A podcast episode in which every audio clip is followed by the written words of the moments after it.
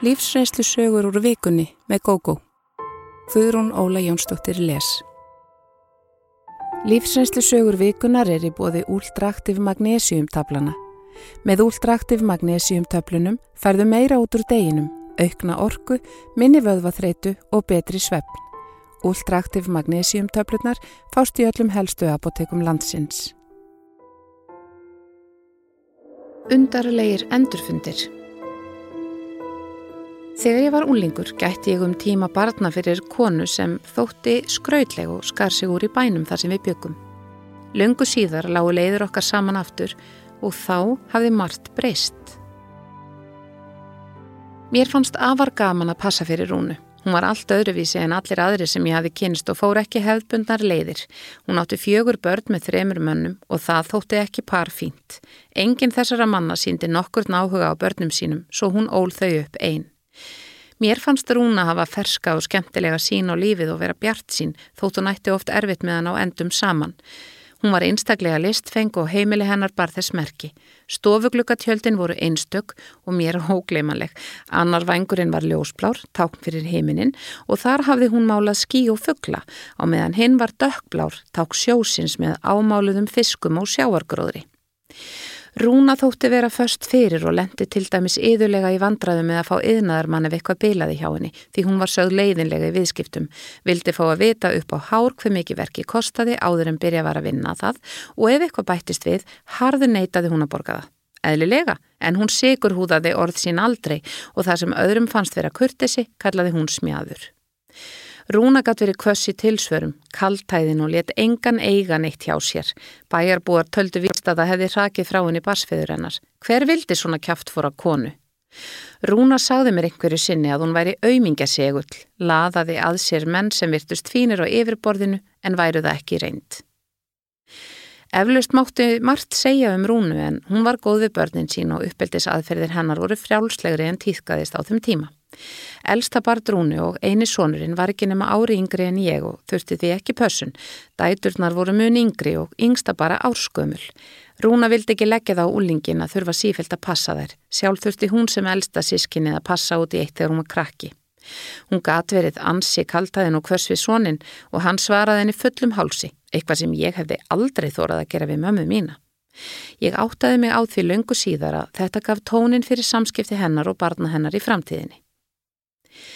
Nokkru mánuðum eftir að ég fór að passa fyrir Rúnu bannaði mamma mér að umgangast hana. Henni fannst trippning mín á henni of mikil og Rúna ekki góð fyrirmynd. Líklega notaði mamma tækifæri þegar hún sá frekar slakar miðsvetrarengunir mínar. Rúna varð svo liti pyrru þegar ég saði þetta þegar ég kom að passa um kvöldið og ég fekk aldrei borga fyrir þetta síðasta skipti. Við fjölskyldan fluttum á höfuborgarsvæði nokkrum árum setna og þá var Rúna lönguflutt í Kópavók hafði ég heyrt. Hún þótti vist ágætt spákona og las í botla og spil. Í fjölskyldu hennar var hver höndin upp á móti annari og Rúna gæti ekki hugsa sér að vera í samskiptum við til dæmis mömmu sína og bróður. Sýstir hennar búsett Erlendis var svo eina sem talandi væri við, af hún sagt mér. Ekki grunaði mig að við Rúna myndum nokkur tíman hittast aftur, hvað þó tengjast fjölskylduböndum, en það gerðist fyrir nokkrum árum. Eldri dóttir mín fór að vera með barnabarni Rúnu eða svona sinni hennar. Lítill heimur hugsaði ég, en þegar ég spurði fekk ég lítið upp úr vandalegum tengda sinni, svo virtist sem lítið sem ekkert samband væri á milli fjölskyldu hans og rúnu. Hann sagðist þó alltaf fara með jólapakka til hennar á aðfangadag en væri sjálfnast bóðið inn. Hún gefi aldrei jólagjafir, væri fátakur öryrki í lélegri íbúð og fjölskyldan hefði fullan skilning á því. Ég fyltist samúð með rúnu og hétt því með sjálfur mér að fara til hennar við tækifæri. Tengdasónur minn réð mér frá því að heimsækjana, sagði ömmu sín að vera erfiða konu sem hataðist út í allt og alla, hann væri sjálfur hálf frættur við hana. Ég dreif mér samt til hennar eitt daginn en hafði vita á því að ringja fyrst og bóða komu mína. Rúna virtist hissa en ég hitti greinilega vel á hana því hún sagði að ég væri velkomin daginn eftir og bætti við að ef ég væri viðkvæm fyrir drastli skildi ég ekki hafa fyrir því að koma. Ég kefti lítinn blómvönd og köku til að færi nú drap og dyr. Rúna opnaði og bauð mér inn. Hún hafði merkilega lítið breyst í útlitið þessi ár sem hafði liðið. Ég eldi hann eftir þröngum gangi og inn í lítið eldús þar sem ekki sást í borð og bekki fyrir dóti. Samt fannst mér ekki vera óhrind hjá henni, bara allt og mikið af öllu. Innaveldúsinu var lítil borstofa og hún bauð mér sæti þar. Hún var snögg að setja blómin í vasa, skella kökunni á disk og búa til kaffi. Henni fannst niðut að við tengdumst þessum böndum en sagði að frumburðurinn, pappi tengdasonar míns, væri ómögulegur, hún vildi sem minnst við hann tala. Ekki útskýrði hún það frekar og ég spurði ekki. Íbúðin var dimm og drungaleg og greinilegt að hún hefði ekki verið málu lengi. Það var ekki vond likt inni en lofti var þungt, líklega vegna þess að íbúðin var full af dóti. Þaðan sem ég satt sá ég henni stofu og svefnarbergi og þar virtist vera heilu haugarnir af allskinn stóti í snirtilegum stöflum. Hún síndi mér þetta eftir kaffið eða hluta þess og þetta var að megninu til handavinnan hennar, eflust til margra ára, meðal annars heklu samkvæmisveski, sjöl, afar fínir sparitreflar og eirnabönd og útprjónaðir sokkar og vettlingar með minstrum eftir hana og margt fleira sem mér fannst einstaklega fallegt. Hún hafði reynd að koma þessu í sölu í búðum bæði í Kópói og Reykjavík en öllum fannst hún verleikja hlutina á hátt. Ég starði á þessi flottu listaverkarnar en samt gaf hún ekki börnum sínum eða barnabörnum jólagjafir. Hver einasti hlutur þarna hefði verið stórkostli gjöf, smekkleg og listræn. Rúna saðist ekki vera til í að gefa vinnu sína. Það vildi þó engin borga sanngjöld laun fyrir svo börn hennar erðu bara fleiðisaðinni döðri eins og hún orðaði það sjálf. Þarna voru líka tímaritt í bunkum, heilu árgangarnir síndis mér, snirtilega raðaðir upp á Svefnbergiskólfinu, kassar í stöplum og plaspokar, mögulega handavinna, sem ég veit ekki hvað var í. Rúna var kurtis við mig líklega vegna blómana og kökunar en ég var þeirri stund fegnust þegar ég slapp út. Vissulega gatt hún verið fyndin en samt svo kvikindisleg þegar hún talaði um fólk að mér leið illa. Lífið hafði ekki leikið við hana en ekki allir sem eiga erfitt fyllast beiskju og fæla aðra frá sér með eitruðum aðtóasemdum. Í samtali okkar skildist mér að dætur hennar væru einnig í litlu sambandi við hana. Rúna kvatti mig ekki til að koma aftur í heimsók þegar ég kvatti, svo líklega voru við báðar í appfegnar þegar ég fór. Ég sagði tengdasinni mínum frá heimsókninni að ég hefði drukkið með henni kaffi og skoðað handavinnunennar sem væri ótrúlega falleg. Hann virtist hissa eins og hann hefði ekki vitað af hannirðunum og sagði mig samt að pappans hefði farið ánga fyrir einhverjum árum til að hjálpinni með bila sjónvarp en í leiðinni bóðist til að fara með í sorpu eitthvað af þessu drastli sem tróðfylgdi íbúðina. Hún tók því svo illa að hún hefur sem minnst vilja við hann tala síðan. Vissulega ónærgætni að tala um listaverkin hennar sem drastl en líklega hefur hann bara séð hauga af einhverju liggja um allt og vilja hjálpina minga umfangið. Eflust hefur hann verið sanalegur eins og hann á kyn til og ólst upp við. Blessunarlega er sonur hans, sem nú er giftur dóttur minni, einstaklega ljúfur drengur sem sínir öllum kurtesi og virðingu. Ég hef heilmikla samúð með Rúnu en hún er sjálfur sér vest. Þegar fáiðanir í kringum hann eru svona margir, væri kannski ráða líta í eigin barm. Jólin með mínum fyrverandi Á jólunum fyrir þremur árum var ég óhæmingu samari en ég hafði nokkru sinni verið áður. Ég vissi að hjónabandi mínu var lokið. Sambandi var einfallega búið, allt dött á millokkar. Mér hafði liðið illa lengi en ekki haft hugrekki til að taka skrefið. Jólin voru alltaf uppáhalds ástíð hjá mér en aðleininni á klósetti eftir minnætti á gamláskvöld tók ég ákverðunum að skilja. Hið undarlega er að bestu jólæfiminnar eru ný liðin og ég varði þeim einmitt með þessum sama manni. Mér hafði liðið illa lengi og ég vissi svo sem að það var ekki engungu honum að kenna. Við áttum tvö börn og ég hafði glemt mér í barnauppeldi, námi, vinnu og umönun veikrar móður minnar. Ég var hægt að hafa ánæju af nokkrum hlut. Allt sem vakti mér gleði áður var einhvern veginn þreytandi og leiðinlegt. Ég vildi helst vera ein og líka upp í sófa og horfa á sjónvarpið. Maðurinn minn skildi ekki hvað var að mér. Hann er virkilega góð manniska en hefur lítinn skilning og innsægi þegar kemur að tilfinningalífi annara. Við erum mjög ólík. Hann hefur mikla hreyfithörf og vil helst alltaf vera á ferðinni. Ég aftur á móti kann vel að meta kyrð og ró, les mikið og hef mikla ánægju af alls konar menningu. Hann endist til dæmis aldrei til að setja kyrð og horfa á heila bíómynd. Hann þarf hlið eins og eru við kvikmyndahúsum til að komast í gegnum hana. Hans áhuga mál snúast við öllum einhvers konar hamagang. Þessi örlega ríku jól hafði hann mánuðin á undan verið á þeitingi um fjöll og fyrindindi, á veiðum, í vélsleðabrunni og skýðum. Ég satt heima og fann hvernig fjarlæðin milli okkar ógs. Jólin eiga að vera svo góð, friður og gleði fylla huga og hjörtu fólks, en við fundum ekki fyrir öðru en leiða og hálfgerða anstigð hvort á öðru. Ég var honum reið fyrir að hafa aldrei löngun til að vera með mér og skilja mig alltaf eftir þegar hann þurfti að rjúka purtu. Hann á móti var hættur að þóla þessa sítöðandi konu sem aldrei var ánægð. Ég hafði átt í mesta basli við að finna handónum gjöf og fekk að lókum vin hans með mér í búð og hann valdi handónum eitthvað sem hann vissi að hann vildi. Þegar ég tók upp gjöfina mína vissi ég að strax eftir áramótin myndi ég byrja að leggja draug að skilnaði okkar. Hann hafði keift handa mér, sérstakka vélsleða hanska og húfu. Nokkuð sem hann ætti að vita að ég myndi aldrei nota og þar að auki voru hanskarnir of litlir en húfan of stór. Sistri mín kom í heimsókn annan í jólum og sá að ekki var allt með feldu. Ég var valla mönnum sinnandi, svaraði henni með eins atkvæðis orðum og var mjög ólík sjálfur mér. Ég var svona þunglind þar sem eftirliði ásins, hveið fyrir að segja manninu mínum að ég væri búin að taka þessa ákverðun, en svo kom að því að mér þótti nægilega langt liðið frá jólum. Ég settist við niður með honum og tilkynnti að ég vildi skilnað. Hann tók þessu vel. Var ábyggilega jafn þreytur á ástandin og ég. Sama dag pakkaði niður og fór út af heimilinu. Við fórum á sáttafundi en vissum að það var tilgangslust. Samið var um skiptingu egna, umgengni við börnin og við vorum frjáls. Ég keift hann út úr íbúðinni. Hann hjælt hann ekki fyrirtæki sínu og skertu og fór með öll sín velknúnu leikfengur bílskurnum. Eftir að við skildum fór ég að gera meira fyrir sjálfa mig. Ég fann að gremja mín yfir að vera skilin eftir ein með alla ábyrð á börnum og heimili hafði dreyið úr mér mátt og skemmt fyrir mér. Þegar krakkarnir voru hjá pappa sínum var ég frjáls og ég skráði mig á námskeið, stopnaði lesring með vinkonum, fór út að borða og í leikús og gerði yfirleitt allt það sem hafi veitt mér ánægju áður en ég ekki synd meðan á hjónabandi mínu stóð. Mér fór að líða betur og sjálfströstið ógs. Ég gerði mér grein fyrir að þetta hefði ég átt að gera miklu fyrr. Ekki var manninu mínum engungum að kenna heldur líka mínu sinnuleysi um sjálfa mig. Ég hefði samsagt geta gert margt öðruvísi og krafist þess að hann síndi mér mun meiri tillitsemi. Ég hefði sjálf tekið á mig alla ábyrð á að heimili gengi og öllum liði vel. Hann hafði aldrei beðið mig um það og þótt hann vissulega hugsaði mest um sig og syndi sínu hefði ég átt að krefjast þess að ég fengi svipaðan tíma fyrir mig. Jól og önnur hátíðahöld eru svo tilfinningarhlaðin tími að þegar einhver vandi er í samböndum fólks er mjög líklegt að hann magnist bara við þar aðstæður. En tímin leið og við náðum að jafn okkur hvort í sínu lægi, byggja upp nýja tilveru og finna takt sem við vildum dansa eftir. Ég fann að því ánaðri sem ég var með mitt Því betur gengur samskiptin við minn ferverandi.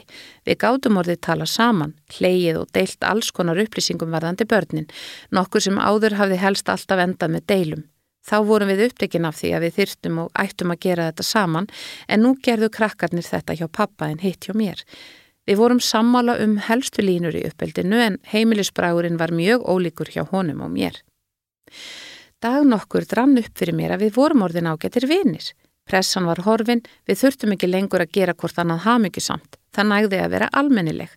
Hvorugt okkar var að flýta sér í annað samband. Ég hafði engan áhuga á slíku og maðurinn minn fyrirverandi hafði gert nokkra tilunir til að hitta konur en ekkert orðið úr því. Ég kom fyrir sjálfur mér svo litið á óvart þegar ég bauð honum að vera með mér og krökkunum þessi jól. Hann var að skila krökkunum heim eftir helgartvöl hjá sér og sagði eitthvað á þá leið að hann erði sannilega einn heima á aðfangadaskvöld. Fóreldrar hans voru á Tenerife og hann kunni ekki við að spyrja sískinni sín hvort þau vildu bjóða sér í mat. Ég sá að hann varð undrandi, en hann þáði bóðið. Hann kom til okkar um klukkan þrjú og bauð mér að hjálpa til við matartilbúningin. Það hafði hann aldrei gert meðan við byggum saman og ég hugsaði með mér að batnandi mönnum væri best að lifa og rétti honum svundu. Við stóðum svo saman í eldúsinu, unnum, spjöldluðum og hlustuðum á jólalegu í útarpinu meðan krakkarnir horðu á teiknumindir. Á slæginu sex var maturinn borin á borð og við töluðum, sögðum hvort öðru frá ímsu að því sem við höfum verið að gera síðastliðin ár. Þetta var skemmtilegt borðhald og krakkarnir hjálpuðu til við að ganga frá. Þá var komið að því að útdeila pökkum og ég var steinhissa þegar dóttir mín rétti mér gjöf frá pappinar. Það var glæsilegt hálsmenn sem ég fannst virkilega fallegt og það frá manninum sem ég hafði haldið að vissi ekkert um mig og gætu því ekki valin eitt sem ég líkaði. Við fengum okkur kaffi og konfekt og töluðum saman til miðnættis. Þá kvattan. Þótt allt gangi svona vel eru við ekki á þeim buksunum að taka saman aftur. Á milli okkar er ekki ásteða ástríða heldur einleg og góð vináta. Við finnum að okkur þykir vænt hvort um annað og það hjálpar. Meðan við byggum saman var alltaf þessi þrýstingur í gangi. Við þráðum annars konar maka, einhvern sem við áttum eitthvað sameilegt með og gætt gert okkur hafmyggisum.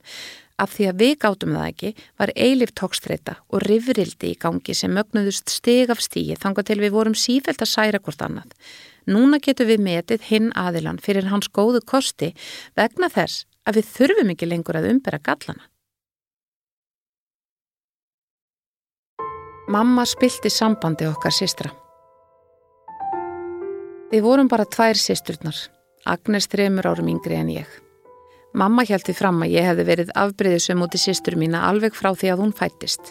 Ég vil hins vegar ekki kannast við að hafa nokkru sinni fundið fyrir öfundi garð hennar en viðbröð mömmu íttu æfinlega undir samkeppni og reyði milli okkar. Við sísturnar vorum aldrei nánar. Hún átti sína vini og ég mína. Áhugamálinn voru ger ólík. Ég var á kafi í alls konar listum en hún var íþróttastelpa. Vildi helst alltaf vera að sparka bolta eða klifra upp um fjöll. Ég á hinn bógin var síteiknandi og skrifandi. Bjóð til sögur, leikrit og ljóð sem við vinkonundar settum upp í kjallaranum heima og seldum aðgangað. Ég var svo litið dramatísk og drömlindur krakki og orti romantísk ljóð. Agnesi fannst þetta frámunalega hallarislegt og gerði stólpa grínað mér. Engu tíma komst hún í dábókina mína og dreifði ljóðunum mínum um allt í skólanum.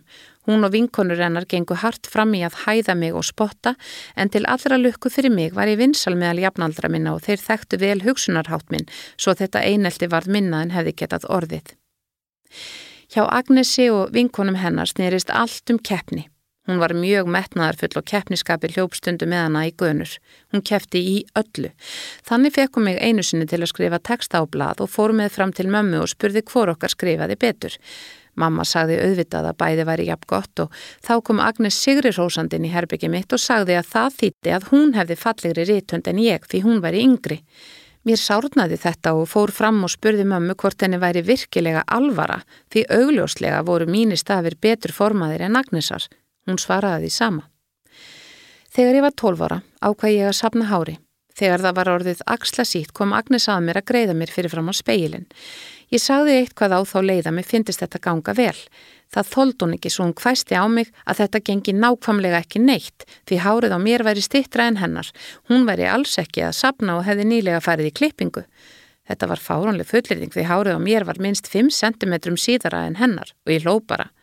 Agnes stormaði þá fram til mömmu og spurði hvor okkar væri með síðara hár. Þið eru með jafnsýtt hár, svaraði mamma.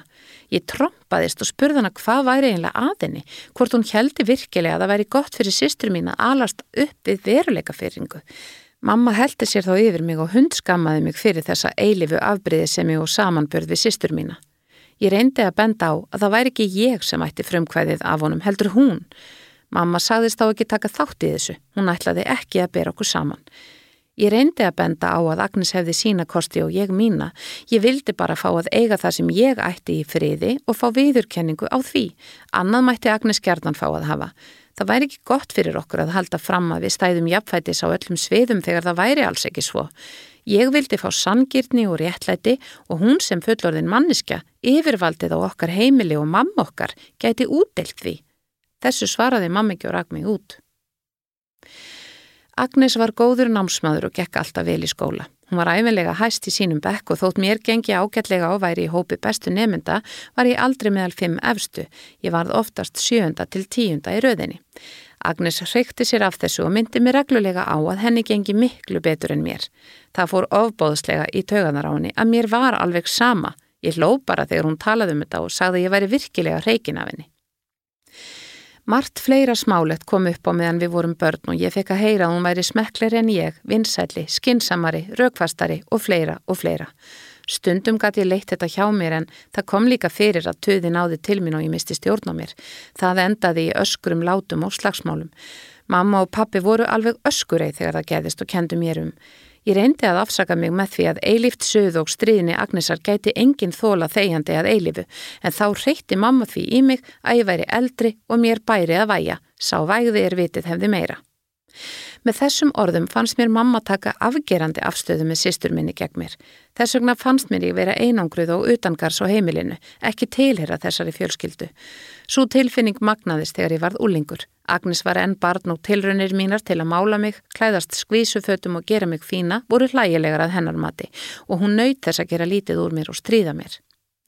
Einhver tíma varð hún reyði við mig út af einhverju og eigðilagði allar snirtifuruna mínar. Ég varð brjáluð og klagaði í mömmu sem eins og venjulega tók afstöðu með Agnesi. Hún sagði mér að ef ég væri ekki alltaf svona vond við litlu sýstur mína, væri hún betri við mig. Ég var samfærð um að Agnes væri uppáhaldsbarnið og ég kolbíturinn. Þannig upplifði ég mig alltaf en eftir að ég varð fullorðin hef ég farið að líta þetta öðrum augum. Ég held að mamma hafi einfallega ekki vita betur. Að hún hafi raunverulega haldið að með því að halda alltaf fram að við stæðum jafnfættis og taka aldrei afstöðu þegar við rifumst, væri hún að sína að henni þætti jafnvæntum okkur báðar. En vegna þess að þetta var ekki rétt og alls ekki samkjönd á nokkun hátt, var ekki hægt að komast hjá því að skinja aðgerðir hennar sem mismunun. Ég tólkaði hana þannig að hún væri Agnesi í vil og að vissuleiti var hún það því hún var yngri. Mamma varði hana frekar og áleita ég svo eldri ætti að skilja það. Vandin var hins vegar sá að ég var líka barn, þurftistuðning, krós og finnast í metina verleikum. Þessi leiðilega samkeppni Agnesar gerði það að verkum að ég fekk ekki færi á því og bast fjölskyldu minni aldrei sterkum böndum. Ég átti mjög góður vinkonur og eignaðist atkvarf heima hjá einni þeirra. Það leiði mér vel og mammenar varði raun sá stuðningu sem ég þráði. Hún rósaði mér stöðugt og virtist að var óbyrjandi trú á mér. Án hennar hefði ég aldrei þórað að fara í listaskóla og aldrei náða að þroska mína hæfileika. Eftir að við Agnes urðum fullortnar dróur samkeppninni og samanburðinum. Ég flutti ungað heiman og fór mjög ólíka leið í mínu lífi. Við erum ágættar vinkonur í dag þótt af og til slettist upp á vinskapin. Það gerist mest vegna þess að við erum svo ofbóðslega ólíkar. Mamma hefur hins vegar aldrei vilja viðurkenna að hún hafi gert mistök hvað mig varðaði og gert það að verkum að ég fjarlæðist hana. Hún heldur ennfram að afbreyði sem í míningar sýstur minnar hafi verið undirótt ósamkomulagsins okkar í milli. Ég veit hins vegar að ég hef aldrei öfundat Agnesi, aldrei langaði líkast henni, heldur eiginlega þvert á móti. Ég þráði ástúð og viðurkenningu mömmu þegar ég var lítil og finnst að hana hafi ég aldrei fengið. Guðs gjöf til mannkins Þegar langþráður sonur bættist við fjölskylduna fundum við sýsturnar fjórar vel fyrir því. Látlöst eftirlæti foreldra og annara ættingja hafði hún Eva einning mikil áhrif á bróður minn og ekki til góðs. Hann hefur alla tíð vitað allt betur en aðrir og kunnað að ná sínu fram með samblandi af sjarma og frekju. Mér þykir vænt um kára bróður en gerir mér fyllilega grein fyrir göllum hans. Hann var ofdegraður frá fæðingu og finnst hann vera guðskjöf til mannkins. Hann ætti ekki að koma nálagt peningamálum og fór fjárrakslega illa með foreldra okkar og minnstu munaði að þau mistu íbúð sína af hans völdum. Við sýstur gátum gripið inn í áður en illa fór. Samt sjá pappi og mamma ekki sólina fyrir honum. Hann var bara óheppin, segja þau. Eginkonur hans fyrfirandi eiga þó mesta samúð mína. Er áttu ekki sjötagana sæla. Kári kynntist Maríu þegar þau voru bæði farin að nálgast þrítugt. Fram að því hafði hann baðað sig í aðdán kvenna og átt óteljandi kærustur. Marja var líklega hæfilega áhugalöst því Kári lindi ekki látum fyrir hún samþykti að giftast honum. Hún var listakona sem hafði vakið nokkra aðtegli en hann hafði ekki en ákveði hvað hann ætlaði að verða þegar hann erði stór. Eftir stútenspróf fór hann í háskóla en átti erfitt með að finna fag við hæfi svo hann flosnaði upp úr náminu eftir einhver tíma. Kári var í skemmtilegum vinahópi sem var nokkuð ábyrrandi og nokkrir í hópnum áttu eftir að verða þekktir í þjóðfélaginu. Þarna voru myndlistarmenn, upprinnandi stjórnmálafólk, tónlistarmenn, tilvonandi fjölmjölafólk og fleiri og fleiri. Í gegnum hópin kynntist hann Maríu. Hjónaband þeirra varði í um áratögun, undir það síðasta var það orðið erfitt. Þeim leiðliklega best saman í útlöndum þar sem Marja var við námen eftir að þau fluttu aftur heim til Íslands fór að halla undan fæti. Kári er með eindæmum ráðríkur og veit allt best. Hann reyndi meira að segja að kenna Maríu sitt á hverju verðandi listina.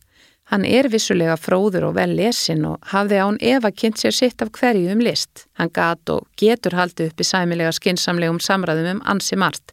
Hann hefur þó bara yfirborstekkingu, þótt hann hljómi eins og hann viti bókstaflega allt um allt. Marja sá um fjármólinn, eða reyndi það, henni ofbauð hversu eðslusamur Kári var. Þau lifðu hátt með að við innkomuna en Kári hefur alltaf viljað berast á. Hann helst ekki lengi í hverju starfi og það er alveg stórmerkilegt hvað hann fær alltaf góða vinnu en líklega hefur óbílandi sjálfströst hans heilmikið að segja um það. Á endanum gafst Marja upp á honum, bæði lífstilnum og framkomi hans við hana. Skilnaður þeirra var erfiður og frekjan í bróður mínum kom fram í sinni verstu mynd. Hann girtist til dæmis antiksófarsett og sófaborð sem Marja hafði erft og neytaði að skrifa undir skilnaðarpappirana nefn hann fengið þetta. Hann hvaðast hafa unnið fyrir henni á meðan hann var í námi og ætti því inni hjá henni. sem var auðvitað algjört bull. Að endingu gafst Marja upp, sagði honum að hyrða allt saman, hún nefndi ekki að standi þessu. Hún hefur búið erlendis í mörg ár og gerið það gott, bæði í starfi og engalífi. Næsta eiginkona Kára var líka listakonaðament. Fóreldrar hennar áttu og ráku stöndugt fyrirtæki og þar starfaði hún en vanna list sinni í frístundum. Ætlunin var þó alltaf að helga sig listinni. Sigrún var gullfalleg eins og Marja og afar hæfileikarík. Ég hef alla kynst fyndnari og skemmtilegri mannesku en Sigrúnu. Hún var svo bjart sín og lífsglöð og ekkert var henni ómögulegt. Bróður minn var um færtugt þegar þau giftu sig og hún tæplega þrítug eða tólf árum yngri.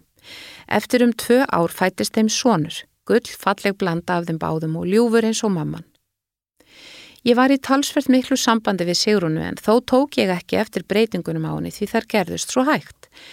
Eftir nokkur ár var lítið eftir af lífsglöðu og skemmtilegu stelpunni sem hafi gifst bróður mínum. Kanski er það bara eðlileg þróun að breytast með aldrinum og við það að eignast batn en eftir á að higgja var ekkert eðlilegt við þetta. Bróður minn braut hana í raun hægt og markvist niður. Því sem hann fjall fyrir í fari hennar reyndi hann að breyta eins fyrðulegt og það hljómar. Stöðugagrinni hans um að hún ætti ekki að segja svona, vera svona, hugsa svona og svo framvegis fór illa með hana og hún var líklega of ung og sveianleg til að láta þetta ekki á sig fá. Hún var löngu hægt að snerta á nokkru tengdu listinni eins og hún hefði ekki lengur trú á sjálfri sér. Kári hefur yðurlega talið sig vera mikinn í afbreytti sinna en er þó óþreytandi við að hrút skýra málinn fyrir konum.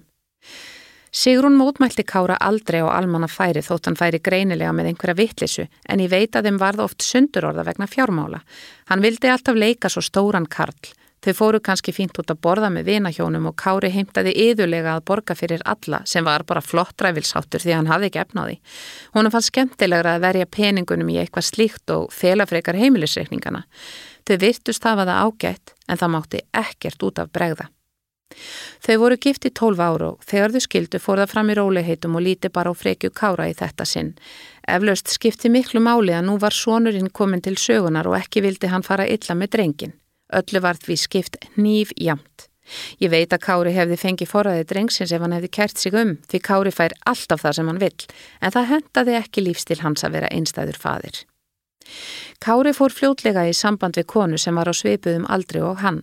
Hún þóldi ekki yfirgangin í honum, svo þau ruggluðu aldrei sama reytum.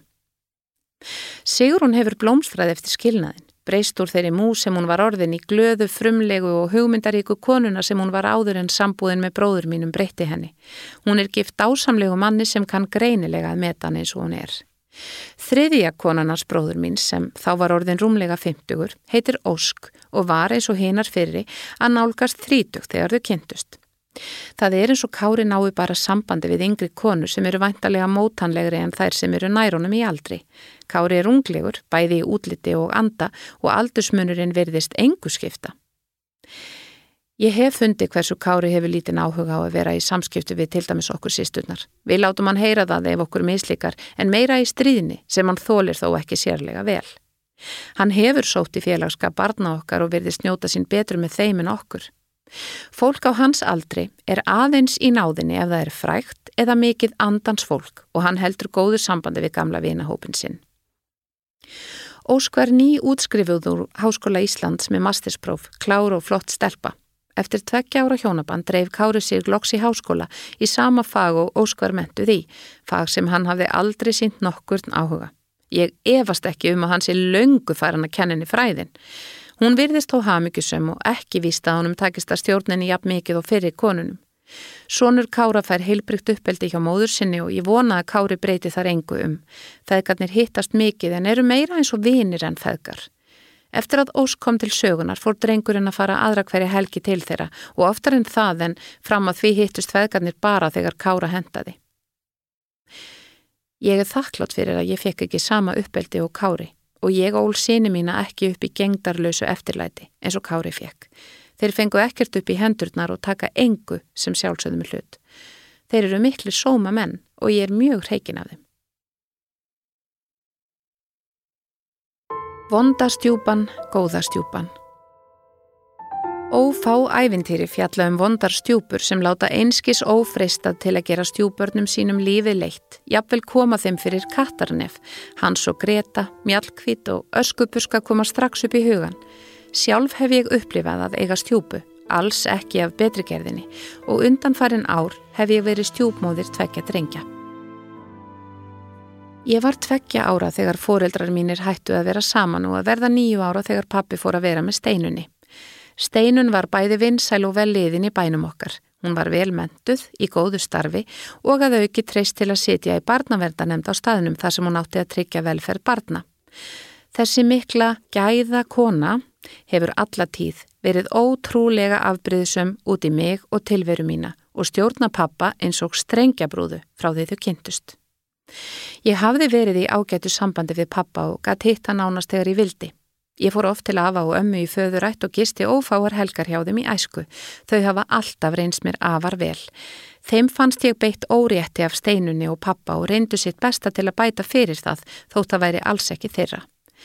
Næstu árin eignaðist ég þrjú hálfsískinni og eins óvelkomin og ég hafði verið á heimili steinunar og pappa fram að því var ég allt í einu orði nógu góð til að passa börnin. Ekki hvarta ég yfir því, ég naut þess að fá að vera með þeim. Mikið hefur verið gert upp á milli okkar sískinana alla tíð, ekki síst þegar kemur að jóla og afmæliskjöfum og ég skil seinlega ekkert í pappa að láta sér það linda, svo mikill er munurinn. Sískinu mínum hefur verið drekt í dýrum gjöfum í gegnum tíðina. Þau hafa fengið tölfur, iPada, snjálfsíma, snjóbrettabúnað, nokkrar utanlandsferðir, rándir námskeið sem tengjast áhuga málum þeirra, bæði á Íslandi og Erlendis og fleira og fleira. Nó þótti að gefa mér eitthvað á borð við húfu og vellinga eða bækur sem ég átti sumar hverjar fyrir til þetta voru aldrei nýjútkomnar bækur og annaði þeim dúr. Stundum greti ég yfir þessu en ég let engan sjá það. Mér fannst þetta líka skammarlegt eins og ég ætti einhver að söka þessu sjálf. Afi og amma í föðurætt reyndu bæði leint og ljóst að bæta mér þetta upp og ég fekk alltaf mjög veglegar gafir frá þeim. Mun veglegri en yngri sískinni mín en ég þurfti alltaf að þeia yfir göfunum til að svekja engan. Eftir því sem ég varð eldri gæti ég farið að hlæja að þessu með sjálfri mér, ekki síst þegar gafirnar til sískina minna voru sérlega veglegar. Þetta var svo yfirgengilega fáránlegt. Steinun virtist sjúklega afbríðisum út í fyrra líf pappa og það bitnaði á mér. Hún var ekki þroskar en þetta og hefur ekkert breyst. Um það leiti sem hún og pappi fóru að vera saman misti mamma helsuna, fyrst líkamlega og setna fóru hún að þjást af kvíða og þunglindi. Hún gerði þó sitt allra besta til að skapa mér gott líf og fannst erfitt að geta ekki veitt mér það sem henni fannst ég eiga skilið en hún gæt líti gert á örorkubótum. Ég var sannlega ekki ofdegruð og meða við hvernig sískinni mín geta stundum látið er ég fegin því að hafa ekki fengið allt upp í hendurnar. Fóreldrar mömmu bygguði Reykjavík og voru í litlu sambandi við okkur svo mamma gæti aldrei leita til þeirra. Þau ferðuðust mikið um heimin og mér finnst eiginlega óskiljanlegt að þau hafi viljað eignast börn. Þau sáu bara hvort annað. Eldri sýstir mömmu lést í bílslýsi áður en ég fættist og kannski var þetta leið þeirra við að takast á við sorgina, gleima hínu barninu sínu og hugsa bara um sig sjálf. Þau voru alltaf ósköp góð við mig í þau fáið skipti sem við hittumst, en ég náði aldrei að tengjast þeim. Þegar ég kynntist Bjarnar var það nánast ást við fyrstu sín hjá okkur báðum. Hann er sex árum eldri en ég og var fráskilinn tvekjabarna fadir. Hann hafði verið með konunni sinni frá því þau voru 16 ára, en Ástin mingaði jamt og þjætt hjá þeim og breytist að lokum í vináttu. Vinnu Bjarnar vegna gæti hann ekki verið með strákan aðra hverja viku eins og hann og þau bæði reyndar vildu en þeir voru samt hansi mikið hjá honum fyrir utan aðra hverja helgi. Stutt var á milli heimilanna og gott samkomulag á milli Svo gott að þegar fyrirvenandi konarnas var byrjuð að slá sér upp með núverandi manni sínum fekk hún mikinn stuðning frá Bjarnar sem hjálpaði strákunum að sættast við nýja mannin. Þegar ég kom til sögunar mætti mér nokkur fjandskapur frá strákunum. Aðalega tortrygni held ég. Þeir voru sannlega ekki sáttir við nýju konuna hans pappa í upphafi. Þú ert sko ekki mamma okkar, sögðu þeir nokkrum sinnum. Ég er svo heppin að eiga góða vinkonu sem einning er stjúpa og hún hafði farið á námskeið í Reykjavík um stjúptengsl. Hún átti í einstaklega góður sambandi við stjúpdóttur sína vissi ég og ég ringdi í hana eitt kvöldið og leitaði ráða hjá henni. Vinkona mín talaði bæði af eigin reynslu og einnig um það sem hún hafði lært á námskeiðinu. Það var mjög nýtsamlegt og gott að geta talað um áhyggjur mínar við hana. Ég varð rólegri og sáttari eftir símtalið og hlakkaði til að nýta mér á þennan næst þegar strákarnir kæmu. Ég fann fljótlega mun á andrumsloftinu og heimilinu og eftir að ég fann réttu leiðina að þeim, þar sem húmor leikur stórt hlutverk, hætti ég að hafa nokkrar áhyggjur af þessu. Ég hafði verið á nálum í kringum þá og reynd að þóknast þeim á allan hátt. Ég stein hætti því, var bara ég sjálf með kostu mínum og göllum. Þegar þeir gista hjá okkur eru þeir saman í stóru herbergi. Hjónaherbergið er minna og það finnst mér eðlilegt við bjarnisofum þar og búið en strákanir leika sér mikið í sínu herbergi við daginn. Þeir eiga hvort sína komóðuna undir dót og fatnað og ganga alltaf að öllu sínu vísu. Ég reyni ekki að vera móðuleg við þá heldur, sagði þeim fljótlega þeir ættu góða mömmu og ég ætlaði sannlega ekki reyna að koma í staðin fyrir hana. Ég var í frekar eins og frænka eða vinkona. Svo er eitt sem hefur komið mér ofar á vinsaldalistan og ég finna þeir kunna vel að meta. Ég gef þeim afmælis og jólagjafir frá mér einni, en það var eitt af ráðunum frá vinkonu minni. Þeir fó líka sérgjöf frá pappa sínum. Ótrúlegt hvað þetta litla atriði er í raun stórt og skiptir svona miklu máli. Þegar sýstir þeirra kom í heiminn fyrir nokkrum árum fann ég bara væntum þykju og hrifningu frá þeim, enga afbreyðisemi.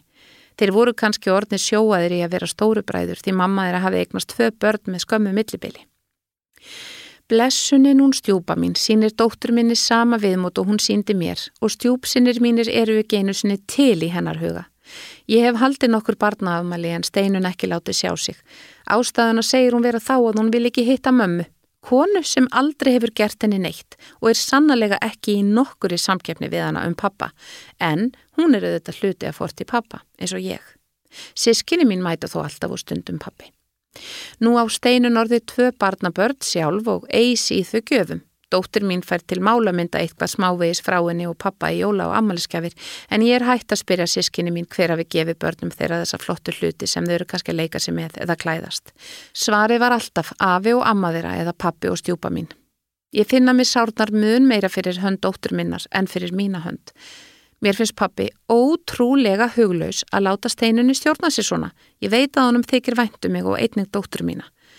Það var aldrei haft samband við mig ef eitthvað var um að vera hjá þeim, nema auðvitað þegar þau vantaði pörsun.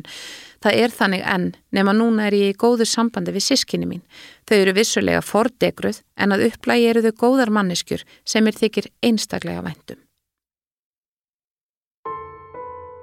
Þú varst að hlusta á lífsreynslusögur úr vikunni með GóGó í lestri Guðrúnar Óli Jónsdóttur og framleiðslu Storysight árið 2020. Höfundaréttur Vikan.